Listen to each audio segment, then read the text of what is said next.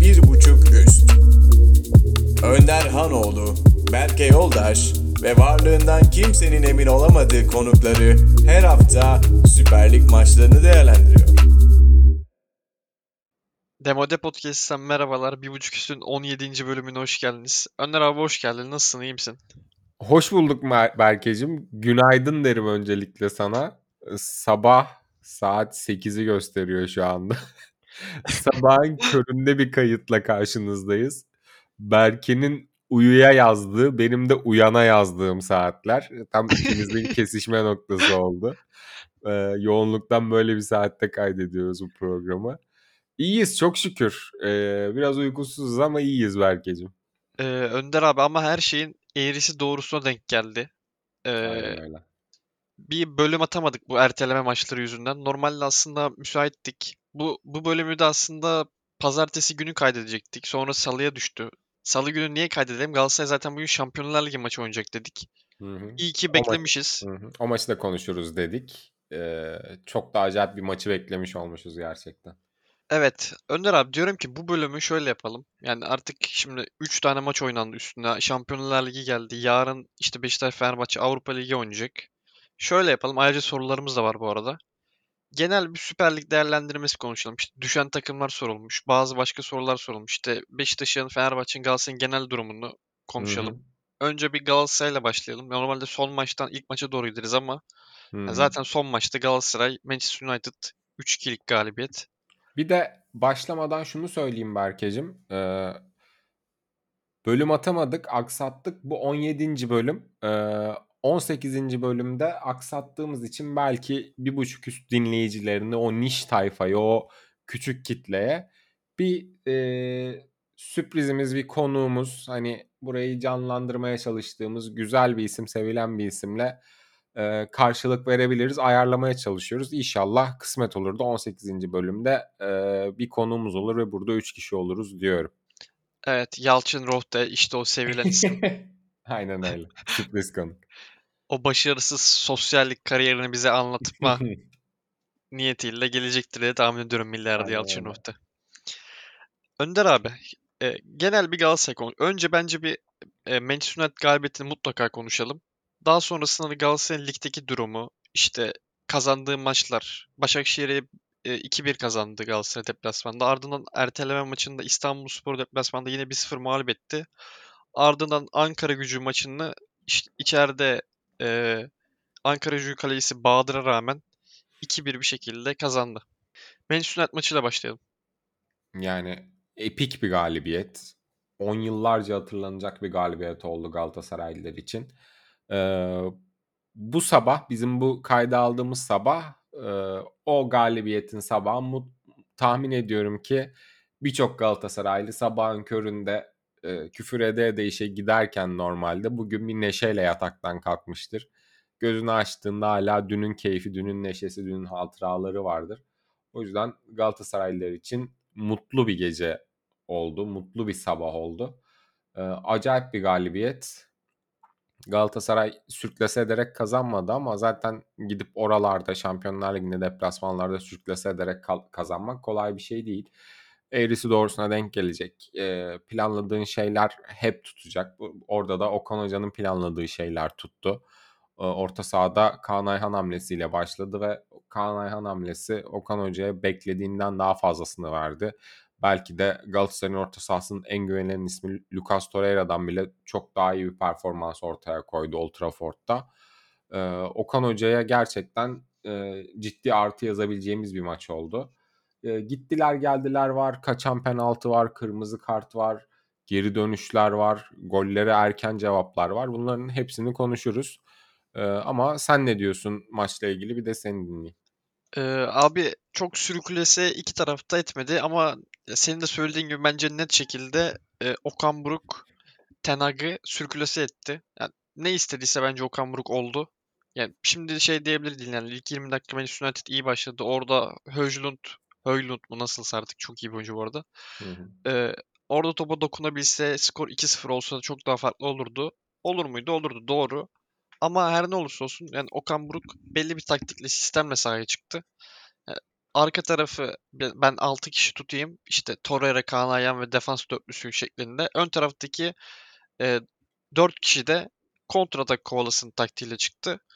İlk 20 dakika Manchester United doğal olarak bastırdı. Yani Old Trafford'da Manchester United çıkıyorsun. Her ne kadar formsuz olsa bile işte Crystal Palace'ı yenemiyor, Burnley'le takılıyor vesaire gibi düşünsen bile e, oyuncuların kondisyonu, fiziksel üstünlüğü vesaire bunlar her zaman olan şeyler.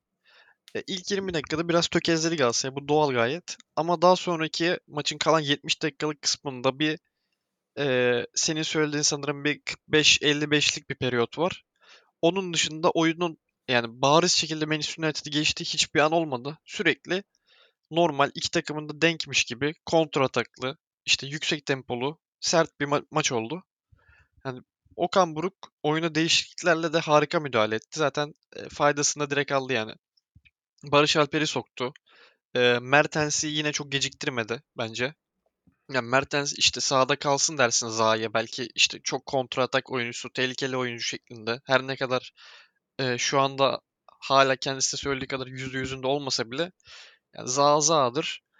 E, Zaha 70'i de çıkartıp Mertens alması da çok önemli bir artıydı. Yani Okan Buruk bilmiyorum ben yayınlarımızda sıkça söylediğime eminim. Podcast'lerde de söylediğimi tahmin ediyorum. Ee, Okan Buruk'un geleceği çok parlak. Ben bu, bu, bu e, gruplardan çıkamasa ligde şampiyonluk alsa bile parlak olacağını düşünüyordum ki şu an gruplardan çıkma ihtimali gayet yüksek gözüküyor Galatasaray'ın. Gruplardan çıktı işte ne bileyim ligde birinci veya ikinci olduğu bir durumda yani Avrupa perdesi hocanın açık olacaktır. Daha önce de söylemiştim diye hatırlıyorum bunu podcastlerde. Sürekli İlla ki söylemişimdir burada da. Ee, iyi bir sınav verdi Okan Buruk. Galatasaray için de çok çok işleri kolaylaştırıcı bir galibiyet oldu burası. Evet, e, işleri kolaylaştırıcı dedin. Gerçekten Galatasaray gruptan çıkmak için dev bir adım attı. Dün e, yayınımızda biraz hesap kitap da yaptık. Aslında maçları hani en kötü senaryodan planlasam bile işte depteki Kopenhag maçına beraberlik yazsan, içerideki Manchester United maçına beraberlik yazsan bile Galatasaray yine gruptan ikinci çıkmak için en büyük aday olarak gözüküyor. Bayern Münih'in e, takılmadığı, tökezlemediği durumda. O yüzden e, Galatasaray'ın ciddi Şampiyonlar Ligi'nde gruptan çıkma şansı var. E, diyeyim. Okan Hoca ile ilgili sana katılıyorum. Bir de kendim için e, çok da iyi oynamasa da benim için maçın adamı Wilfred Zaha'dan bahsetmek istiyorum. E, çok enteresan bir performans gösterdi. Çünkü böyle deplasmanlarda e, Türk takımları oyun olarak ezilmese bile fiziksel olarak dayak yerdi. E, mental olarak dayak yerdi. E, aslında Manchester United da biraz bu mantaliteyle çıkmış sahaya. Biz şunlara bir dayak atalım, bir nerede olduklarının farkına varsınlar diye. O şekilde çıkmış sahaya ama Wilfred Zaha resmen buna dur dedi. Yani Manchester United böyle ezmeye çalıştı ama top Zaha'ya geldiği zaman işler biraz tersine döndü.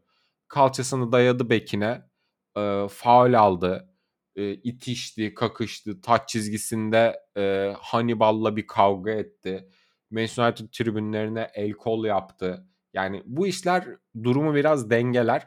Wilfred Zaha üzerine bir de gol attı. Gol atmasa bile bu yaptığı şeylerle Galatasaray'ın maçın içinde kalmasını biz buraların takımıyız. Manchester United bizden daha büyük bir kulüp olabilir ama biz de Manchester United'la kafa kafaya oynayabilecek büyüklükte bir kulübüzü sahada gösteren isim Zaha'ydı. Ben bunun için e, mükemmel bir performans göstermese de golüyle de birlikte bu maçın kazanılmasında en büyük etkenini Zaha olarak görüyorum. O yüzden e, kendisine de bir takdir yollamak istiyorum. E, Ankara gücü maçında da iyi bir performans göstermiş. Sen ona daha hakimsin. E, Şampiyonlar Ligi maçını istiyorsan ekleyeceğim bir şey varsa eklemeni yap Manchester United maçı ile ilgili. Oradan Zaha üzerinden Ankara gücü maçı ve İstanbulspor maçına da bağlayalım istiyorsan. Abi ekleyecek bir şey ya aklıma gelmiyor açıkçası. Konuştuk. Harika bir galibiyet. Kesinlikle hak edilmiş bir galibiyet ve mağlubiyet şeklinde. Yani fazla aklıma bir şey gelmiyor ekleyecek. Zaha'yı söyledin. Zaha e, Ankara gücü maçında da çok iyiydi. Yani ya Zaha'da şunu görüyoruz abi. İşte ilk çıktığı Kayserispor maçında ben bunu biraz hissetmiştim Zaha'da. Yani adam çok üstün fiziken. Ee, biraz niyetlenirse, oynamak isterse çok farklı şeyler yapabilir gibi düşünmüştüm Süper Lig'de. E, bu Ankara-Gücü maçında da bence çok iyi oynadı. Yani çok kanat oyuncusunun ne yapması gerekiyorsa yaptı gibi düşünüyorum. O, o maç sonrasında da çıkıp ben daha şu an %100 hazır değilim. E, daha hazır olduğumu, daha farklı şeyler yapacağım. E, benim motivasyonum e, aldığım sevgi mi ne o tarzda bir şey söyledi. Yani e, güzel yorumlar için herhalde o tarz bir şey söyledi. Yani sevgide bir sınır olacağını hiç düşünmüyorum t- Türkiye'de. E, Şampiyonlar Ligi'nde de ciddi, senin de dediğin gibi ciddi bir motivasyon oldu. Ya Zaha'da ben şunu görüyorum abi. Bu çoğu futbolcuya denir e, genelde gelen yıldızlar hakkında. Abi yani oynamak isterse biraz ne bileyim hazır olursa ve sıkıntılar yaşamazsa işte maddi olur, manevi olur, hocayla kavga vesaire. e, bana çok net şampiyon yapabilecekmiş gibi bir gel hissettirdi yani. İşte Fenerbahçe'yi övüyoruz. Çok iyi Fenerbahçe. Hatta e, neyse oraya girmeyeyim şimdilik. Ya bana şampiyon yapabilirmiş gibi geliyor Zoa tek başına. Yani gerçekten o kalitesi var ama e, bunu dün de söyledim. Biraz e, temposu düşük geliyor bana. Temposu düşük ne demek? E, bu oyun tarzından mı kaynaklanıyor yoksa e, oyuncunun hala hazır olmamasından ötürü mü bilmiyorum ama hani e, bana Babel Beşiktaş'ın bir iki gömlek kalitelisi gibi geliyor. Sırtı dayayım bir bakayım biraz daha yavaş oynayayım. E, kafamı kaldırayım bir sahayı kontrol edeyim öyle pası çıkartayım. Hani Galatasaray aslında başarılı dönemlerinde bu Fatih Terim'de de dahil hep böyle hızlı, pırpır, tahmin edilemez, e, bekle stoper arasında koşu atan, orayı sürekli yıpratan sol kanatlarla oynadı. Za profili bambaşka bir profil. Ben burada büyük bir futbolcu olarak sol kanatta baba gibi dikiliyorum. Top bende kalır. Herkes beni bulmaya çalışır. Ee, buraya ben karar veririm şeklinde oynuyor. Bu biraz Galatasaray'ı hücumda yavaşlatıyor ama hani planı değiştirip e, sağdan belki de hareketli olup soldan daha oturaklı oynamayı tercih edebilir Okan Buruk. Okan Buruk senin de sürekli övdüğün gibi kolaylıkla çözüm bulabilen bir teknik adam. O yüzden e, dediğin gibi Zaha çok kaliteli bir futbolcu ve bu ligde bütün dinamiklerin değişmesini sağlayabilecek kalitede bir oyuncu. Bakalım nereye kadar gidecek o hikaye. Abi dediğin doğru yani e, şu anda temposu biraz düşük gözüküyor. İşte dribbling fazla denemiyor. Rakibin üstüne gitmiyor gibi konuşuyoruz hep. Ama bunu sanki kendi de söyle. Yani şu an yüzde yüzümde değilim. Daha hazır değilim. İşte artık yüzde kaçındaysa bilmiyorum. Ama yani mesela ilk şey izlediğimiz Kopenhag, ya ilk orada izlemedik de ya yakın zamanda orada izlediğimizi hatırlıyorum kötü performansını. Kopenhag maçında girdiğinde Tete'nin gol attığı Kopenhag maçında orada bir orta açtı. Ben onu pek saymam ortadan diye. Yani o çok kasıtlı yapılmış gibi bilmiyorum. Yapmamıştır herhalde. E, mesela orada oyuna girdiğinde fazla bir etki gösteremedi. Yani rakibin üstüne fazla gitmiyordu. Daha sonrasında bir İstanbulspor maçı oynadı. İstanbulspor maçında gayet iyiydi. Aralara çok iyi paslar verdi. Yani ben hatırlıyorum mesela Boğa'ya bir tane verdiğini hatırlıyorum. İşte sol bekte kimin oynadığını hatırlamıyorum. Artık o kadar çok fazla maç oldu ki hepsini birbirini karıştırmaya başladım. Yani 3 tane 4 tane orada çok iyi e, pas verdiğini hatırlıyorum. Son Ankara gücü maçında dribbling de iyiydi. Şutu fena değildi. Bu maçta da yani kalitesini bariz şekilde gösterdi. Bilmiyorum. Şimdi tek tek oyuncu performanslarında Galatasaray'da bahsetmek çok zor.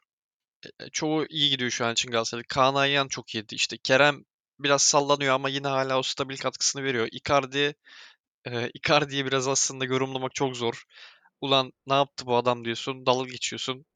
Aynen İşte öyle. aşkın olayım, maşkın olayım şeklinde makara yapıyorsun. 3 dakika sonra e, yani ne yapıyor bu adam dedirtiyor. Hı hı. E, Davinson Sanchez eklendi Galatasaray'a son olarak. Davinson Sanchez de yani çok çok iyi duruyor gibi şu an için. Özellikle Ankara gücü maçında çok fark yaratmış. Ee, Manu maçında da aslında çok iyi bir maç çıkarmadı ama e, tabelaya baktığında iki asistle de Manchester United deplasmanını kapattı. E, abi ama şu, önemli olan kısım bence şu. E, tamam Galatasaray Şampiyonlar Ligi'nde iyi bir galibiyet aldı. Ligde de şu ana kadar gayet iyi gidiyor. Bir ilk Kayseri Spor maçı haricinde. Yani işte belki oyuncu olarak e, düştüğü anlar oluyor Galatasaray'ın. E, bu gayet doğal. Oyuncular yeni yeni ısınmaya başlıyor. İşte Icardi'si olsun kilo vermeye başlıyor. İşte Torreira sakatlıktan çıktı. Yeni yeni toparlamaya başlıyor ki hala bir sakatlık durumu var galiba. İşte e, Ziyech oynuyor, Tete oynuyor falan. E, bazen oyundan düşmeler normal ama Galatasaray hiçbir zaman maçı kaybedecekmiş hissini vermiyor. Bu aynı şekilde Fenerbahçe için de geçerli bu arada. E, yani Fenerbahçe çok iyi gidiyoruz. 21 puan çok iyi zaten. Ben şu an ligin en iyi futbol oynayan takımı. Ee, Galatasaray'da ama 19 puan. Yani Şampiyonlar Ligi'nden bakalım nasıl etkilenecek. Bakalım bu işte sakatlık verecek mi bu maçlardan sonra. İşte bir Torreira'nın sakatlığını gördük. Herhalde onun da ciddi bir şey yoktur diye tahmin ediyorum. İşte artık bence kritik kısım buradan itibaren başlıyor. Manchester United maçı sonrasında bakalım sakatlık olacak mı? İşte milli ara olacak. Ondan sonra sakatlık olacak mı? Oralarda kritik dönem dönem başlıyor işte. Türk takımlarının klasik Şampiyonlar Ligi belası için orada göreceğiz bakalım. Burada Galatasaray etki edecek mi? Bir de şöyle bir durum var. Hani e, Galatasaray geçtiğimiz konuşmadığımız e, ligdeki iki maçında e, tabelaya baktığın zaman çok acayip iki galibiyet almadı. İstanbulspor deplasmanında 1-0 yendi. Evinde de Ankara gücünü e, geriden gelerek 2-1 yendi. E, hani kağıda baktığın zaman aslında çok da acayip galibiyetler gibi durmuyor ama maçları izlediğinde aslında durum da öyle değil. Yani Galatasaray bu maçları 3-0 3-0, 3-0 4-0 da kazanabilirdi ve bu durum aslında şaşırtmaz yani. Oyuna baktığında aslında oyunlar öyle oyunlar. Baktığın zaman Galatasaray zor kazanıyor gibi durabilir ama e, izlediğin zaman durum o şekilde değil. Ee, abi katılıyorum dediğine doğru. Yani Fenerbahçe de çok iyi şu anda. Az önce dediğim gibi bence ligin en iyi futbol oynayan takımı şu anda. Yani iki takım arasında şöyle bir fark var. Biri 21 puanda, biri 19 puanda ama ikisi de yani rahat galibiyetler alıyor. Galatasaray'ın skorları işte 2-1, 1-0, 2-1 şeklinde. Ama yani az önce dediğim gibi bu aynı şeyleri tekrardan söylüyorum. Fenerbahçe için de geçerli. Ee, yani ikisinin de hiçbir zaman kaybedeceğini ben hissetmiyorum. Bir Fenerbahçe'nin Antalya Spor maçında bunu hissettik. Onun dışında da hiç öyle hissetmedik yani iki takım içinde. Ee, bu iki takımı birbirinden ayıran en büyük fark bence şu an için. Ee, Fenerbahçe balyoz'u indiriyor. Yani 10. dakika iki takım da aynı şekilde başlıyor maçları genelde. İlk 15-20 dakika zangur zungur hücum ediyorlar. Maçı kopartıyorlar. Ee, Gal- bu arada maçı e, Ankara hücum maçında olmasa bile Galatasaray'da yani bu Avrupa maçlarında da böyleydi. E, maça iyi başlayıp gol atmaya çalışıyorlar. Atabiliyorlarsa atıyorlar. Fenerbahçe genelde bu kısımda bir tane atıyor, iki tane atıyor, üç tane atıyor. Galatasaray bir tane atıyor ve duruyor. Ee, Fenerbahçe'nin bence en önemli kısmı şu anda bu. Burada da ön plana çıkan oyuncular var Fenerbahçe'de. Ceko, Şimanski olsun. Tadic bu sıralar biraz düşüşte ama yine de toparladı gibi son maçlara doğru. E, ha, İrfan Can Kahveci keza bu arada. E, öyle yani. Bence iki takımı birbirinden ayıran en büyük özellik bu. Fenerbahçe'ye geçtim bu arada. E, Galatasaray'a geçip. İyi de yaptın. Ee, zaten Fenerbahçe'ye geçme vakitlerimiz de gelmişti. İstiyorsan Fenerbahçe'den Zaten birbiriyle de yani neredeyse çok bağlantılı takımlar. Şey, daha Beşiktaş'a geçmedik ama şampiyonluk için yani iki takım gibi gözüküyor sadece şu an için. O zaman şöyle ben bir özet geçeyim kısaca. Fenerbahçe Alanya Spor deplasmanda 1-0 yendi. Ardından iki iç saha maçında Başakşehir'i 4-0, Rize Spor'u 5-0 yenerek e, namalup şekilde hatta 7'de 7 yaparak diyeyim daha düzelterek liderlik koltuğunda devam ediyor şu anda. Yani Fenerbahçe taraf Fenerbahçe takımı taraftarını ciddi şekilde e, şampiyonluğa inandıracak, inanılmaz keyif verecek iki tane maç oynadı. İki maçta 9 gol attı. E, bu maçlar e, baktığın zaman ikisi de iç saha maçı ama yani çok da kolay maçlar değildi bence. Evet Süper Lig'de makas açıldı ama hani kötü takımlar da var, iyi takımlar da var. Dolayısıyla baktığın zaman Başakşehir kadro kalitesi olarak aslında e, üst sıralarda görünen bir takım.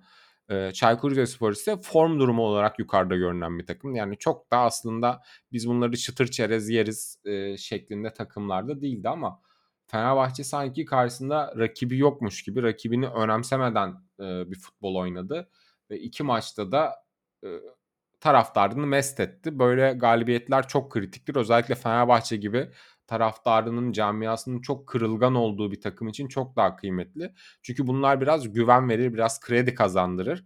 Ee, İsmail Kartal da e, her ne kadar çok başarılı Fenerbahçe dönemleri geçirse de isminden dolayı, profilinden dolayı kredisi hep böyle e, pamuk ipliğine bağlı bir teknik adam. Bu e, şaşalı galibiyetler bence İsmail Kartal'ın kredisini bir miktar arttırdı. Yani denk gelir e, bir, bir maçı berabere bitirsin. Bir maçta puan kaybedersin. Orada şey olur ya bu İsmail'le de olmayacak herhalde den İsmail hocam yol kazası yaşadı. Olur yine toparlar. Bu takım 4 atar, 5 atar. Yine o günlere gelir şeklinde bir kredi sağladı bence bu galibiyetler Fenerbahçe'ye.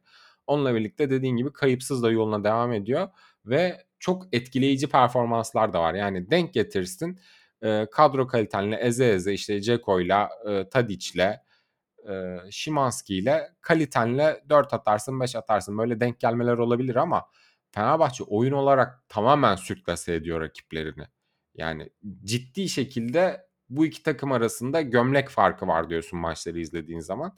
Ve Galatasaray için söyledik puan kaybetmeyecek gibi duruyor ama Fenerbahçe için özellikle son iki maça baktığın zaman hiç takılacak bir havası yok Fenerbahçe'nin. O kadar rahat kazanıyor ki maçlarını.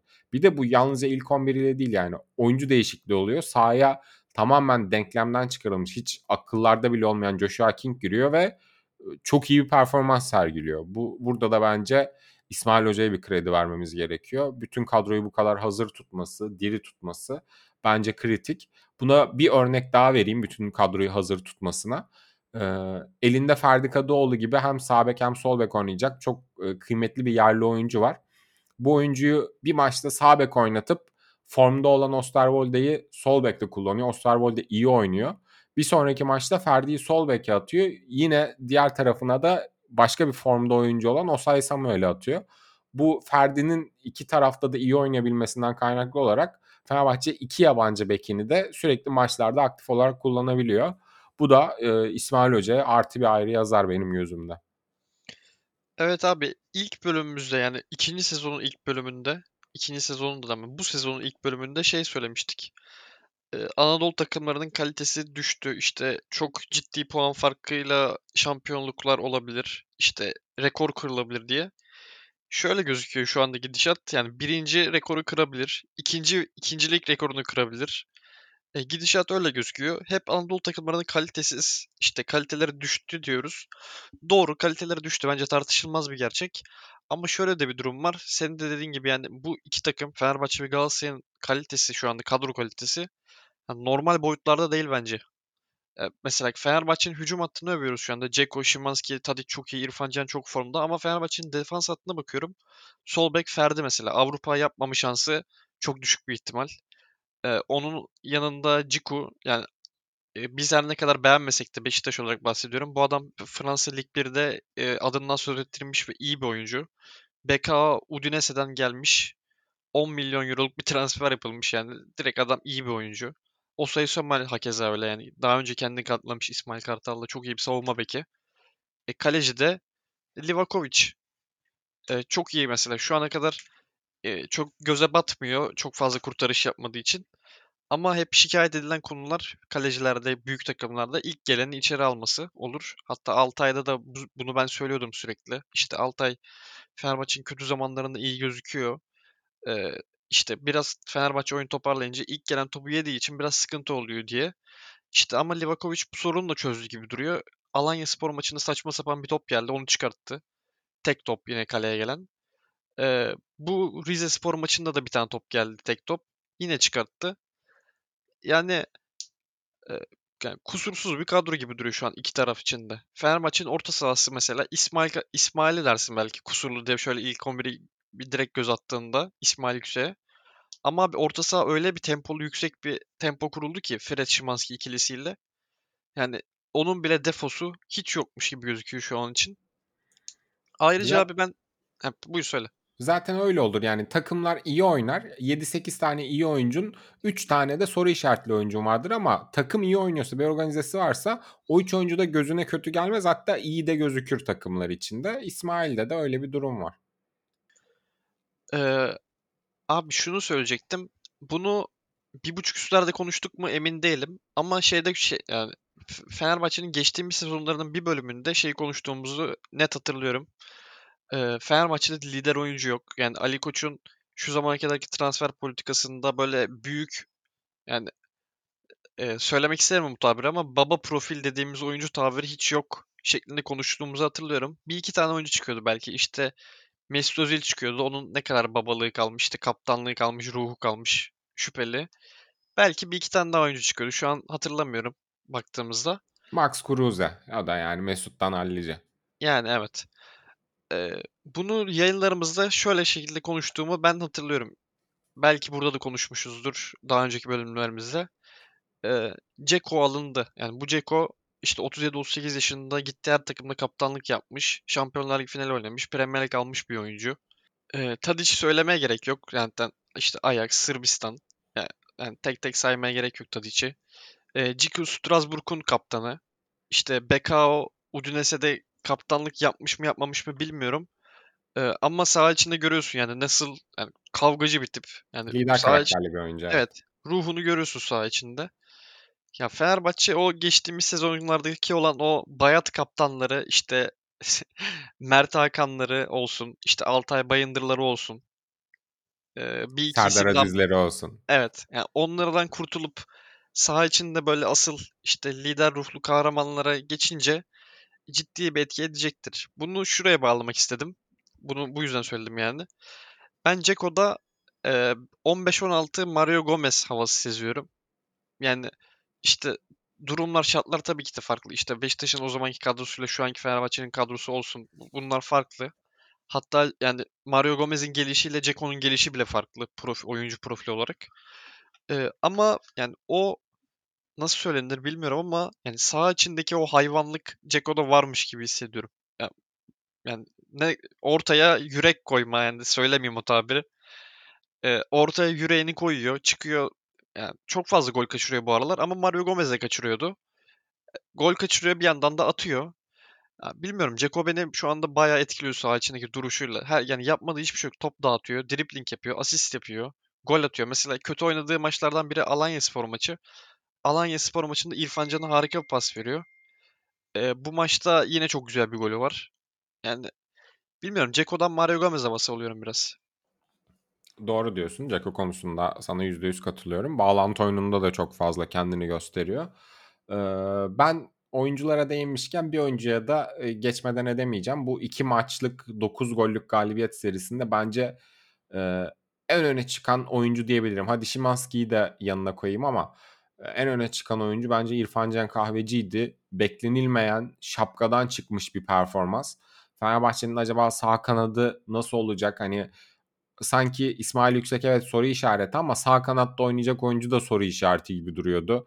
İşte oraya Cengiz Ünder alındı 15 milyon bon servis verildi. Cengiz'in form durumu soru işareti, sakatlık durumu soru işaretiydi. Gelirken de öyle yani bu Cengiz Fenerbahçe'ye geldi ve sakatlık yaşadı diye demiyorum. Çok sağlıklı bir kariyeri yoktu son bir iki senesinde özellikle. Diğer taraftan işte acaba Emre Mor'u mu oynatırız? Ee, bir katkı verir mi? Girdiği maçlarda iyiydi. E, diğer taraftan İrfan Can Kahveci var yetenekli oyuncu. O da ciddi para verilerek yatırım yapılmış bir oyuncu ama taraftarla bağları kopma noktasına gelmiş. Yani Fenerbahçe taraftarı Altay Bayındır'a takmış durumdaydı evet ama Altay Bayındır kadar İrfan Can Kahveci'ye de takmıştı ama İrfan Can Kahveci öyle bir performans gösterdi ki bu işi tamamen ters duruma çevirdi. Oyundan çıkarken 50 bin kişi İrfan İrfan diye bağırıyordu.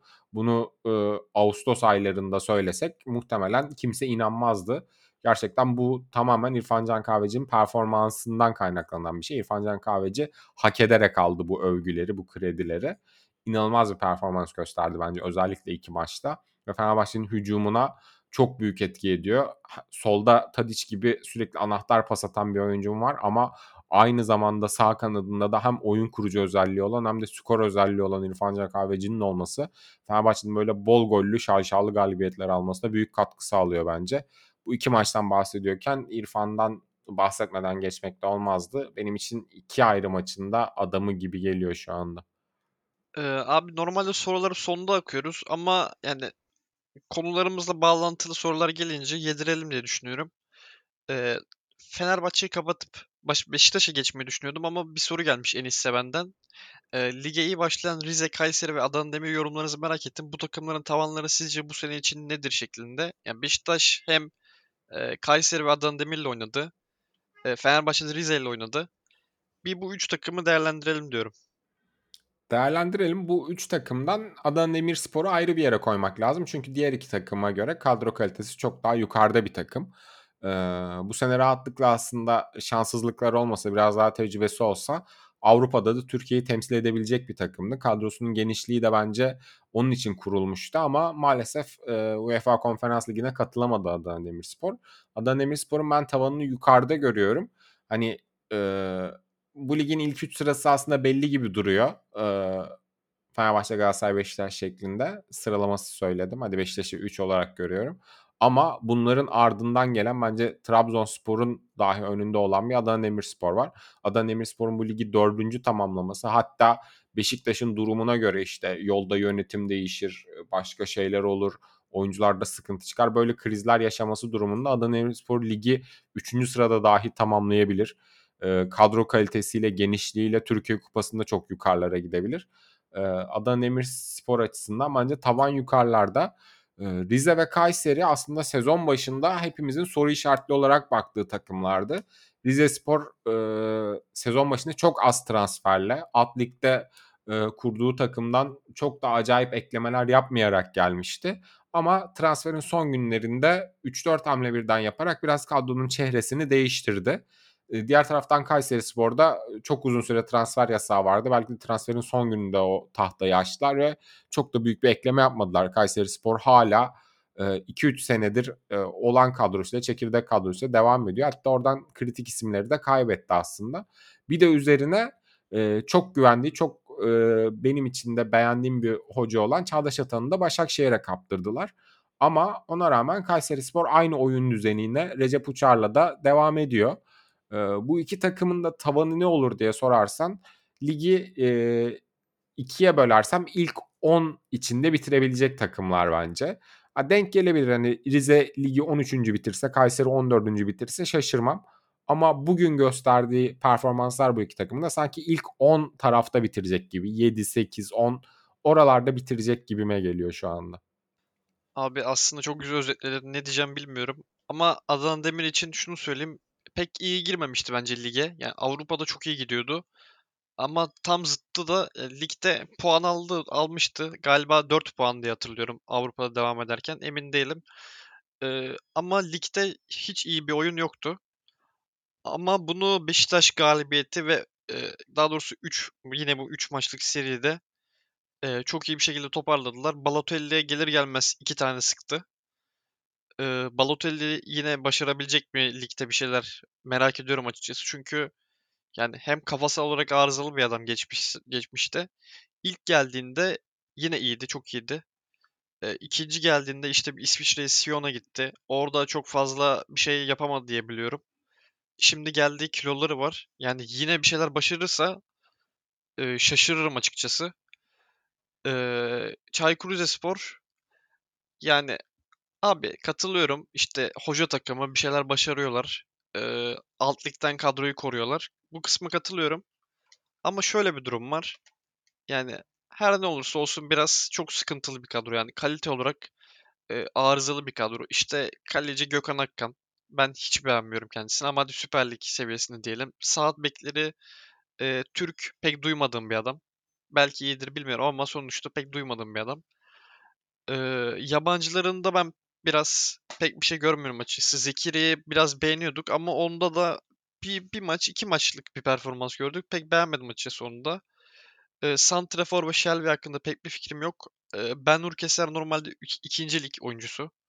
Ama yani kendini üst seviyeye bir şekilde attı yani o o süratini, e, iyi fırsatçılığını buraya taşımış bir isim. Ben Keser'i bu arada şey dinleyenler nereden biliyorsun şeklinde söyleyebilir. Ben Keser Kocaeli'de oynuyordu. Kocaeli hem PTT 1. Lig'e çıkarken hem de PTT 1. Lig'de Kocaeli'de oynadı. Ardından 2 senede e, Süper Lig'e geldi.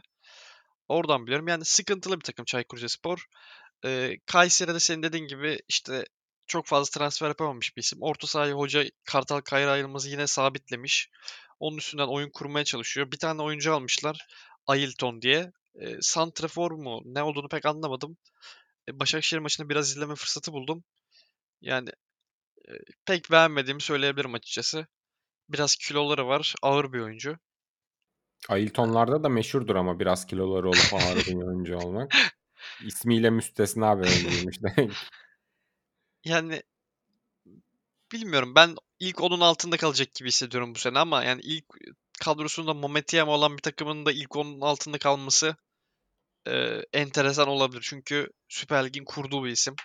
Hı hı. E, herhalde Kayserispor'un da efsanesi olmuştur diye tahmin Olmuştur ediyorum. evet tabii tabii. Ee, şey diyecektim belki. Burada istiyorsan Levo'nun sorusunu da yanıtlayalım hazır Anadolu'ya girmişken. Sana bir soru gelmiş. Hazır yolunu almışken bir Levo'nun sorusunu da yanıtla. Oradan Be- ondan sonra Beşiktaş'a geçelim diyorum. Okuyorum. Berke Yoldaş'ın hizmet bağımlılığı ve ligden düşecek takımlar hakkında yorum almak istiyorum. Her zaman en iyisine demolaşlar demiş. E, kendisine selam olsun bu arada. E, ligden düşecek takımlar hakkında e, yorum almak istiyorum demiş. Ne diyorsun Önder abi? Ben bir İstanbulspor atalım diyorum oraya. İstanbulspor. Yolcudur Abbas. Bağlasan durmaz gibi gözüküyor. Samsun'da da e, çok benzer fikirlerdeyim. Ben e, Samsun belki toparlar ama yani katılıyorum. Şu anda öyle gözüküyor. E, Antep 6 puan aldı Şumudika ile beraber. 3 maçta 6 puan aldı galiba Şumudika geldiğinden beri. Hı hı. E, umurumda değil. Düşebilirmiş gibi geliyor. Yani düşmenin favori adaylarından biri gibi hissediyorum. Çünkü kadro çok yetersiz. He, şöyle bir şey olur bu arada. Şumudika gelir gelmez 4-5 tane Rumen oyuncu çekmiş direkt. E, devre arasında da 5 tane Rumen çekerse onu bilmiyorum. Yani şu an için düşecekmiş gibi gözüküyor benim için. Ee, Pendik Spor Önder abi. Ne diyorsun Pendik Spor'a? Yani kadro kalitesi olarak bence e, eksik bir takım. Hani sene, sene başında Süper Lig'in eksikli e, eskilerini, Süper Lig'in gediklerini toplayalım bu takıma. İşte Wellington'dur, Diaby'dir, Halil Akpınar'dır. Başka aklıma bir sürü oyuncuları var ama bunlar geldi. Onların üzerine de bir tane Güney Amerika'dan bulduğumuz klasik bir Arjantinli 10 numara koyalım Oscar Romero. Devam edelim şeklinde kurulmuş bir kadro. Böyle kadroların ligde kaldı. Hatta başarılı da olduğu dönemler oldu ama e, Pendik'te bunu henüz göremedik. Ben Pendik maçlarında Pendik'in sahaya bir şey koyduğunu görmedim. Aldığı puanların çoğunu da aslında e, sağdan kolaylıkla mağlubiyetle ayrılabileceği maçlardı ama bir şekilde bence Pendik e, kaç puanı var şu an bilmiyorum. 4 puanı varmış. Hani sıfır bile olabilirdi Pendik'in puanı şu anda. Hani iyi bir oyununu hatırlamıyorum ben Pendik Spor'un. Ama şu anda 4 puanı toplamışlar. Bence kendileri için iyi bir puan. Benim ciddi şekilde düşme adaylarımdan bir başkası da Pendik Spor. Abi Pendik katılıyorum. Yani bir kere felaket girmişlerdi seneye. İlk haftaki takımı izle. Yani normalde ilk hafta için konuşmak erken dersin ama ilk haftaki takımı izle. Ee, korku filmi gibi bir takımdı. Ee, kesin düşer demiştik yani ilk haftadan sonra. Ya biraz toparladılar oyunu. Ya- Yani ne kadar toparlayabilirlerse toparladılar. Ama yeterli olur mu? Onu ilerleyen zamanda göreceğiz. Ben son olarak bir takımdan söylemek istiyorum. Ee, Karagümrük. Yani Karagümrük inanılmaz kötü geçiyor. Ee, bu takımların ortak bir özelliği de Beşiktaş'la oynamış olması. Beşiktaş bu takımlardan e, birine 2 puan bıraktı. Diğerinde zar zor 3 puan aldı. Diğerine de bıraktı da aslında bir şekilde aldı 3 puanı. Evet geçelim o zaman Önder abi yavaştan Beşiktaş'a. Geçelim geçelim. Ee, abi Beşiktaş ilk olarak iç sahada e, Kayserispor'la oynadı. Orada bir e, 45-47 civarında bir 1-0 geriye düştü. Ardından dönerek 2-1 galip geldi. E, erteleme maçında hafta içi Adana Demir'e karşı e, 4-2'lik bir hezimete uğradı. Daha sonrasında Konya Spor deplasmanına çıktı son olarak. Orada da 2-0 galip geldi. E, Beşiktaş'ı konuşmak zor olacak. Zor evet. Ne, neyini konuşacağız, konuşacağız bu takımın acaba? Ee, şöyle başlayalım abi. Bilmiyorum nasıl başlayalım bilmiyorum. Sen istiyorsan bir bodozlama gir. Ben şunu diyeceğim. Yani hadi Kayseri Spor maçını bir kenara bırakalım. İki zor deplasmandan devam edelim. Adana Demirspor ve Konya Spor. Kağıda baktığın zaman Beşiktaş Adana Demir'den 4 gol yemiş. E, hezimete uğramış.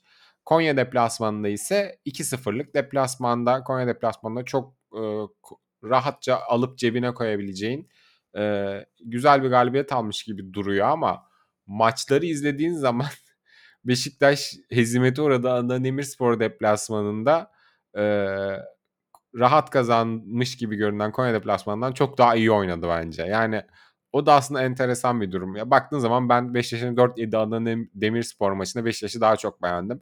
Konya Spor maçı, kazanılan Konya Spor maçı benim için çok daha büyük bir soru işareti. Çok daha büyük bir kafamı kurcalayan konu. Çünkü yani gerçekten Beşiktaş'ın e, hücuma dair ne planı var, saha içinde ne organizasyonu var. Hani sezon başından beri sorguladığımız şeylerdi ama Konya Spor maçıyla iyice ayyuka çıktı. Beşiktaş koca maçı 2-0 kazandığı bir maçı tek isabetli şut atarak bitirdi. İşte e, öyle bir ilk yarı oynadı ki 20 tane orta kesmiş bir devrede. Ki çok duran bir maçtı aslında. Çok akan bir oyun da yoktu. 20 tane orta kesmiş. 2 tanesinde mi 3 tanesinde mi ne isabet bulabilmiş anca. Onun dışında da herhangi bir hücum aksiyonu yok zaten. Beşiktaş'ın hücumda planı ne? Beşiktaş nasıl gol atar? Nasıl gol atmayı hayal ettirir? Şenol Güneş'in kafasında orta açmaktan başka bir düşünce var mı? Ee, var da bunu oyuncu kalitesi yüzünden mi o sahaya koyamıyor? Bunlar benim için ciddi soru işaretleri. Bana maalesef ki Şenol Güneş'in e, üçüncü senesini hatırlattı. Yani Şenol Güneş'in ilk iki senesi çok başarılıdır. Şampiyonluklarla geçer. Üçüncü senesi Şampiyonlar Ligi de acayip bir performans vardır ama ligde sadece orta kafa gole dönmüş bir takım vardır o Şampiyonlar Ligi'nin etkisiyle. Dördüncü senesi iyidir yine o kadroyla o durumda ama o üç, Şenol Güneş'in en çok eleştiri aldığı üçüncü senesini hatırlattı biraz bana Beşiktaş'ın oyunu. Ve kadro kalitesi de maalesef o üçüncü seneki takımın dörtte biri kadar yani hem organizasyon yok hem kadro kalitesi berbatken ortaya da böyle şeyler çıkıyor. Beşiktaş şu an Fenerbahçe ve Galatasaray'dan henüz Ekim ayında kopmuş gibi duruyor. En azından oyun olarak, görüntü olarak. Toparlanır mı, geri döner mi bilmiyorum. Ben maalesef ki umutsuz taraftayım Beşiktaş'la ilgili. E, ileriye gitmesi için çok çok şey değişmesi gerekiyor Beşiktaş'ta. Abi aslında güzel bir noktada bıraktın bana. Benim sürekli konuştuğum bir kısımdan bıraktın. E, kadro kalitesi olarak e, biraz geride dedim Beşiktaş'a. Daha doğrusu 3. senesine kıyasla daha geride. Evet. Doğrudur muhtemelen. Ama abi şuna bakıyorum. Ya Beşiktaş'ın bu e, Adana Demir maçındaki ilk 11'ine bakıyorum şu anda. E, kaleci Mert Günok, sağ bek Rozier, e, Necip Koli Masuaku. E, bu beşlinin arasında tek farklı oyuncu Necip. E, geçtiğimiz sene Sayıs oynuyordu. Sayıs'te yani bir vardı bir yoktu şeklinde. Şenol Güneş zamanından bahsediyorum bu arada. E, önlerinde Amir Acametovic. E, sol kanatta Cenk. En uçta Abubakar. E, bir de Çem, e, Hacı Ahmetovic'in yanında Salih var. Yani farklı oyuncular, ilk 11'deki farklı oyunculara bakılırsa e, Gezal ve Chamberlain olarak gözüküyor şu an için. E, bu arada bu sadece Adana Demirspor maçında da değil. E, Beşiktaş'ın şu ana kadar e, kötü oynadığı, işte puan kaybettiği veya ezildiği maçların çoğunda bu şekildeydi. E, get, e, söylemek istediğim şey, ben kadronun o kadar bir kere kalitesiz olduğunu düşünmüyorum. E, ama bunu demek istemiyorum. E, yani geçtiğimiz sene de Beşiktaş bu kadroyla oynuyordu. Ve Beşiktaş işte 22 maç mı, 20 maç mı işte o tarz bir istatistikle kaybetme meselesi yapmıştı. İşte tamam orada yine Beşiktaş çok bir şey üretmiyordu. İşte e, Abubakar çıkıp bir şeyler üretiyordu tek başına şeklinde diyebilirsiniz. Ama ya, bu kadar saha içinde e, rezil olduğu bir an yoktu. En azından üstünlük bariz şekilde kuruyordu rakiplerine. E, şu an için hiç öyle bir durum yok. E, bence bunun sebeplerinden en büyük sebeplerinden biri de e, tesislerde bazı sıkıntılar var. Oyuncular arasında bir şeyler olabilir. E, Şenol Güneş e, bundan zaten sıkça bahsetti. Karagümrük maçı sonrasında bahsetti. İşte Pendik Spor maçı sonrasında bahsetti. Trabzonspor maçı sonrasında bahsetti. Adana Demirspor maçı sonrasında bahsetti. E, Kulüp Bruges ma- maçının öncesindeki basın toplantısında bahsetti ve son olarak Konya Spor maçının basın toplantısında da bahsetmiş. Ben bunu e, dün öğrendim. E, demiş ki e, bugün oynadık, kazandık ama daha istekli olmamız lazım. Yeteri kadar hala istekli değiliz şeklinde söylemiş. Hoca bunu sürekli üstüne bastıra bastıra söylüyor. Demek ki e, bir durum var e, takımın içinde. Ben açıkçası buna bağlıyorum biraz şu an Beşiktaş'ın kötü oynama sebebini. Ne olduğunu da bilmiyoruz. Çünkü Beşiktaş'taki muhabirler e, popülistliğe kaydığı için ne olup ne bittiğini artık umurunda bırakıp e, yani bir tarafta artık ateşten gömlek giyen yönetim var. Öbür tarafta da e, ellerinde e, zırhla, e, kılıçla bekleyen Şenol Güneşçiler ve Şenol Güneş düşmanları olduğu için e, artık ortadan gidiyorlar. İşte bir maçta hoca eleştirilemez burada diyorlar. Ertesi maçta işte e, taraftar akıl vermek hocanın işi değil diyorlar. e, tamamen popülistliğe kaymış bir durumda artık Beşiktaş medyası da. Yani tamamen tak- teknik taktik olarak bir şey yok bence Beşiktaş'ta. Yani %100 olarak öyle bir şey yok. E, olduğu kısmına katılıyorum bu arada. Ama e, mental olarak Beşiktaş'ın Eylül ayında koptuğu, Ekim ayında koptuğu dönemleri hele hele Şenol Güneş'le birlikte hiç görmezdik. Çünkü Şenol Güneş'in hep e, şey özelliğinden bahseder. İşte takımın içindeki havayı iyi tutar. E, santraforları uçurur. Genç oyunculara işte e, normalde aslında bu arada normalde Şenol Hoca hep genç oyunculara şans vermez diye konuşuruz ama e, Demir Ege tıknızı sıkça kullanıyor bu sene hoca mesela. E, böyle görmek Beşiktaş'ı aslında biraz benim için şaşırtıcı oldu bu sene. O zaman ben diyorum ki eee, hani Galatasaray'ın Avrupa maçından bahsettik. Beşiktaş da eee, Perşembe günü bir Avrupa maçına çıkacak. Lugano ile oynayacak. Yani Beşiktaş eee, ligde bu durumdayken yani ligde hem rakiplerin durumu hem de kendi durumunu değerlendirdiğin zaman en azından bu aşamada bugün için konuşursak Beşiktaş'ın yarışma ihtimali, zirveyi kovalama ihtimali, şampiyonluk ihtimali düşük görünüyor. Ama diğer taraftan da e, konferans liginde grubun en zor maçını tamamlamış ve oradan da çok kıymetli bir, bir puan alarak dönmüş Beşiktaş var. Bundan sonra önünde daha kolay maçlar var. Şampiyon e, konferans liginde e, gruptan çıkması e, muhtemel gibi duruyor. Acaba Beşiktaş'ın konferans liginde bir yolu olabilir mi? Çünkü kadrosu evet çok e, üretken bir kadro değil. Bunu görüyoruz, biliyoruz. Özellikle orta saha kurgusuyla ama aynı orta saha kurgusuyla işte Getson'uyla, e, Oxlade'iyle, Amiri'yle, Salih'iyle Avrupa'da mücadele edebilecek, orta sahalarda çata çat girebilecek, Avrupa takımlarıyla kafa kafaya oynayabilecek kadro kalitesi var. Buna Abu Bakar'dır, Rozier'dir, Gezal'dir, Cenk'tir bu şekilde kaliteli oyuncuları da eşlik ederse aslında bir konferans liginde bir kafayı kaldırma ihtimali olabilir bu kötü geçmesi muhtemel sezonda. Sence Beşiktaş'ın Avrupa'da bir şansı var mı? Yoksa e, Lugano maçı yine bir Beşiktaş'ın Süper Lig'de oynadığı Anadolu takımı maçları gibi kısır, e, kabız, e, pozisyon bulmakta, rakibi açmakta zorlandığı bir maç olarak mı geçer? Beşiktaş'ın bir şansı olur mu sence konferans liginde? Ben olabileceğini düşünüyorum çünkü. Abi Ya bu yol sorunu bu yol şampiyonluk yolu değil tabii ki ama bir çeyrek finaldir. Denk gelirse belki yarı finaldir. Ee, bana çok uzak gibi gelmiyor. Abi soruna yanıt vermeden e, söyleyecek söyleyeceğim bir şey vardı. Onu unuttum. E, onu söyleyeyim daha sonra soruna cevap vereceğim. E, hoca bir şeyler deniyor dedik. İşte bu maçta e, Konyaspor maçında 4-4-2 denedi. Ben Beşiktaş'a pek uygun olduğunu düşünmüyorum. Hem kanatlarındaki oyuncular olsun hem ileri uçtaki oyuncular olsun pek uygun olduğunu düşünmüyorum. Yani Beşiktaş'ın yine aynı e, 4-3 taktiğinden devam etmesi gerektiğini ve orta sahada bu sefer yani e, çok olur mu diye düşündüğümde aslında fena da olmaz gibi geliyor bana. Orta saha üçlüsünü Getson'un 6 numara olduğu e, yan, yanında Chamberlain ve e, Rashica'nın oynadığı bir denklemde kurması gerektiğini düşünüyorum. Yani yüksek tempo e, belki bir şey Beşiktaş'a bir şeyler getirebilir. İşte e, sol tarafında Cenk oynayan, en ucunda Abubakar, sağ tarafında Gezel oynayan bir takıma ne kadar yüksek tempoyu çıkarabilirsin tabii e, soru işaretli bir durum. Ama yani ben nedense bunun bir denenebilir olduğunu düşünüyorum. E, soruna gelecek olursam abi yani Lugano'yu Beşiktaş'ın yenmesi lazım. İşte Bodo Glimt istediği kadar işte Avrupa'da şöyle yapsın. Kendi liginde 4 gol atsın, 5 gol atsın. Abi Beşiktaş'ın Bodo Glimt'i yeniyor olması lazım.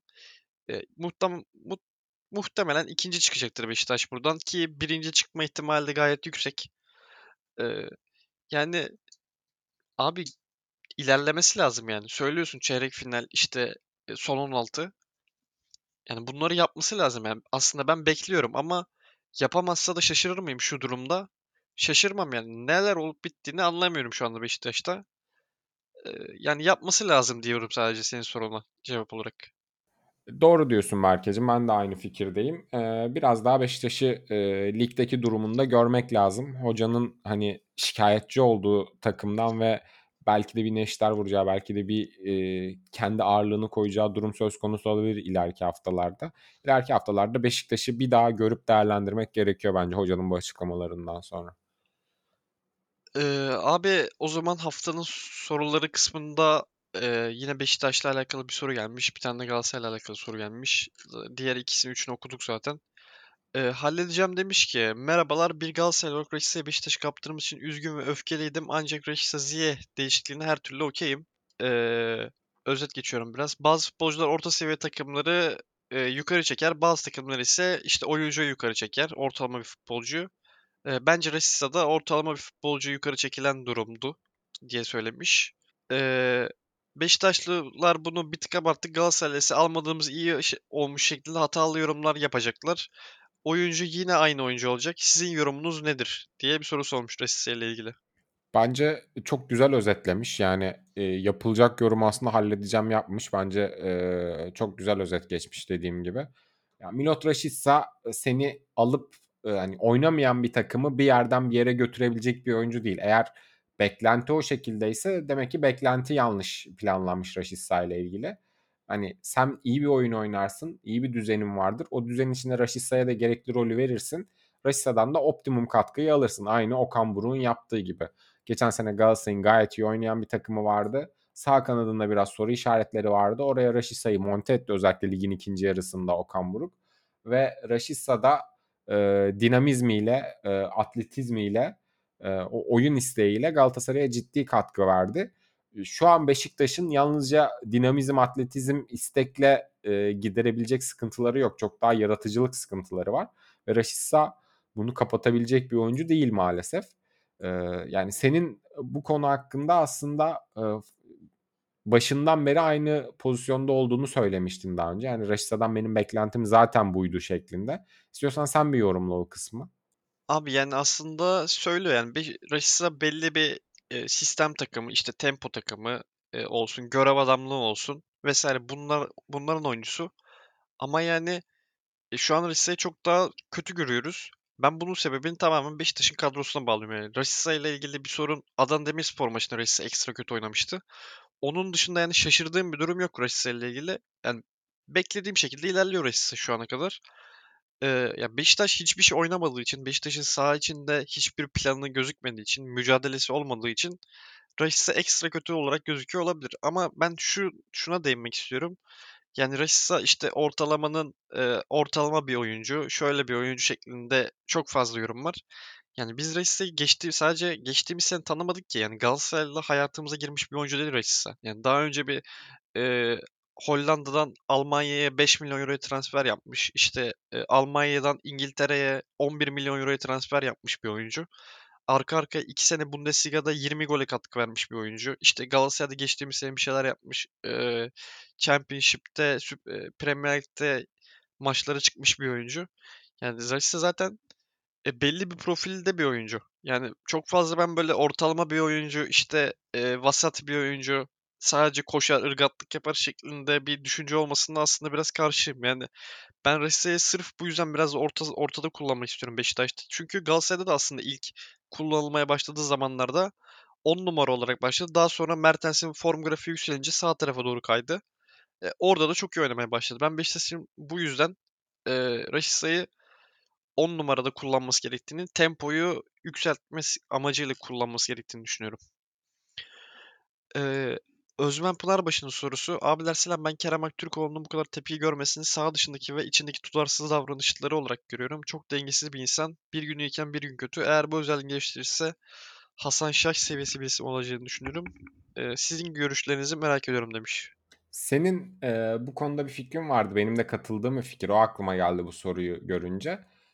Kerem Aktürkoğlu'nun futbolu Galatasaray'da bırakacağı ve Galatasaray efsanesi olarak tarihe geçeceği şeklinde bir fikrim vardı. Ben de öyle düşünüyorum ama bu efsanelik yani Kerem Aktürkoğlu'nun da heykelini işte Beyoğlu Meydanı'na dikelim şeklinde bir efsanelik değil de yıllarca Galatasaray'da oynamış. Her sene e, 10 gol 10 asist şeklinde ciddi tabela katkıları vermiş. Ama bununla birlikte de sürekli taraftar gözünde istenmeyen çocuk, sevilmeyen çocuk şeklinde bir kariyer olacağını düşünüyorum. E, bugünkü pozisyonu da aynı zaten Kerem Aktürkoğlu'nun. Kerem e, hem sağ içi hem de sağ dışındaki karakteriyle sevilmeyen, eleştirilen bir oyuncu olacak her zaman. Her zaman günah keçisi Galatasaray kötü gittiği zaman Kerem Aktürkoğlu olacak ama çıkıp sezon sonu baktığında bu çocuk 10 gol 10 asisti bulduğu zaman e, ve büyük maçlarda da performans gösterdiği zaman bu oyuncu her zaman bir şekilde takımda kalacak ve bu takımın en önemli oyuncularından biri olacak. şu anda e, formunun e, yüksek seviyelerinden birinde. Geçen sene aslında bence kaldığı yerden devam ediyor bütün eleştirilere rağmen. Kerem Aktürkoğlu'nun ben iyi durumda olduğunu düşünüyorum bütün eleştirilere rağmen. E, dolayısıyla kendisinin de çok e, Avrupa'da yurt dışında futbol oynamaya müsait bir karakter olduğunu da düşünmüyorum. Bu toprakların çocuğu, bu yani bizden bir çocuk, hani halktan, Anadolu'dan bir çocuk. Biliyorsunuz işte ne olduğunu. Dolayısıyla ben uzun yıllar Galatasaray'da kalacağını ve Galatasaray'a da her zaman ciddi katkılar vereceğini düşünüyorum Kerem'in. Abi yani katılıyorum. Ee, sadece şu kısma değinmek istiyorum. Yani ee, ilk olarak veya oraya değinmeden şunu söyleyeyim. Yani Kerem Aktürkoğlu bence biraz ee, sağ içi ve sağ dışı biraz antipatik bir oyuncu. Ee, sağ dışı sağ dışını bu arada şeye de katıyorum. Ee, yani mesela üç tepki olduğu zaman e, üçlüye katılmıyor mesela bazen. E, bu geçtiğimiz maçlardan birinde olmuştu. Şu an hangi maç olduğunu hatırlamıyorum yine. Çok fazla maç olduğu için. E, üçlüye katılmıyor. İşte soyunma odasına gidiyor vesaire. Biraz pasif agresif tavırları olan bir oyuncu. E, bazı politik e, durumları olduğu için bir grubun da oradan hoşuna gitmiyordur muhtemelen. E, tüm bunların üstüne e, yüzü de artık eskimeye başlayan bir Türk oyuncu. Ya, tepkilerin olmasını aslında bir tık aslında nasıl söylenir? Yani anlayışla karşılıyorum demek yanlış olur. Anlayışı değil ama Türkiye Doğal buluyorum. Doğal durumunda buluyorum. normal aynen öyle. Evet, normal buluyorum. Ee, ama şu kısmına katılmıyorum. Yani e, saha içinde bir gerçi burada demiş ki çok dengesiz bir insan. Bir gün iyiyken bir gün kötü. Eğer bu özelliğin gelişirse Hasan Şaş seviyesi bir isim olacağını düşünüyorum demiş. Ben bunu aslında saha içi olarak biraz anladım. Yani bir gün iyi bir gün kötü mü diye düşündüm abi. Yani ben bir gün iyi bir gün kötü olduğunu düşünmüyorum. Yani 10 maçta belki 2 tane maç kötü oluyor işte. Yani bu seviyede bir oyuncu hele hele Türk bir oyuncu e, 10 maçta 2 maç kötü olmaya hakkı vardır diye düşünüyorum. E, bence gereksiz takılınıyor. Gayet iyi bir oyuncu. Bunu şöyle değerlendirebiliriz. Yani Kerem Aktürkoğlu da bugün kötü performans gösterdi dediğimiz maçlardaki performans atıyorum. Wilfred Zaha gösterse, Hakim Ziyeh gösterse e, iyi maç çıkardı. iyiydi. İşte olumlu hareketleri vardı. e, şeklinde geçilir. Ama Kerem gösterdiği zaman, Kerem skora katkı yapmadığı zaman, Kerem maçı bir gol bir asistle kapatmadığı zaman "Ha, bugün de kötü Kerem'e denk geldik diyor insanlar. O da işte başından beri bahsettiğimiz Kerem'in profilinden kaynaklanıyor bence. Abi son olarak şunu da söyleyeyim bu arada. Şöyle bir huyu var bu aralar. Ee, İstanbulspor maçında sol tarafa pas vermedi. Mesela orada Icardi boştu. Oraya pas vermedi. Bu Manchester United maçında e, Tete'ye bir pas vermediği pozisyon var. Zaha'ya yine pas vermeyip kaleye şut çektiği bir pozisyon var. Yani e, çok fazla kaleyi düşünüyor. Bence şu anda kendini çok e, odaklamış durumda ispat etmeye veya işte şöyle bir durum da olabilir. E, hayalidir. Şampiyonlar Ligi'nde bir şeyler başarmak istiyordur. Gol atmak veya Avrupa'ya gitmek istiyordur. Şu anda oralara çok odaklanmış durumda. Sırf bu düşünceden dolayı bazı hatalar yapıyor. Yani şu an bir hatasını söyleyecek olursam illaki bu olur. Onun dışında yani dediklerimiz senin dediklerine de katılıyorum. Kendi dediklerimi de teyit ediyorum. Ne denir artık bilmiyorum Önder abi. Tekrar ediyoruz. Pilim bitmeye başlamış durumda. Ee, sen davalar var herhalde Önder abi Evet, sende. e, 25 dakika sonra adliyede olmam gerekiyor. O zaman sana başarılar diliyorum ve bu bölümü noktalıyorum. Gelecek hafta görüşmek üzere diyorum Gelecek hafta bir sürprizimiz olabilir inşallah. Gelecek hafta yeniden bekliyoruz sizi buraya. Evet, hoşça kalın. Hoşçakalın. Devo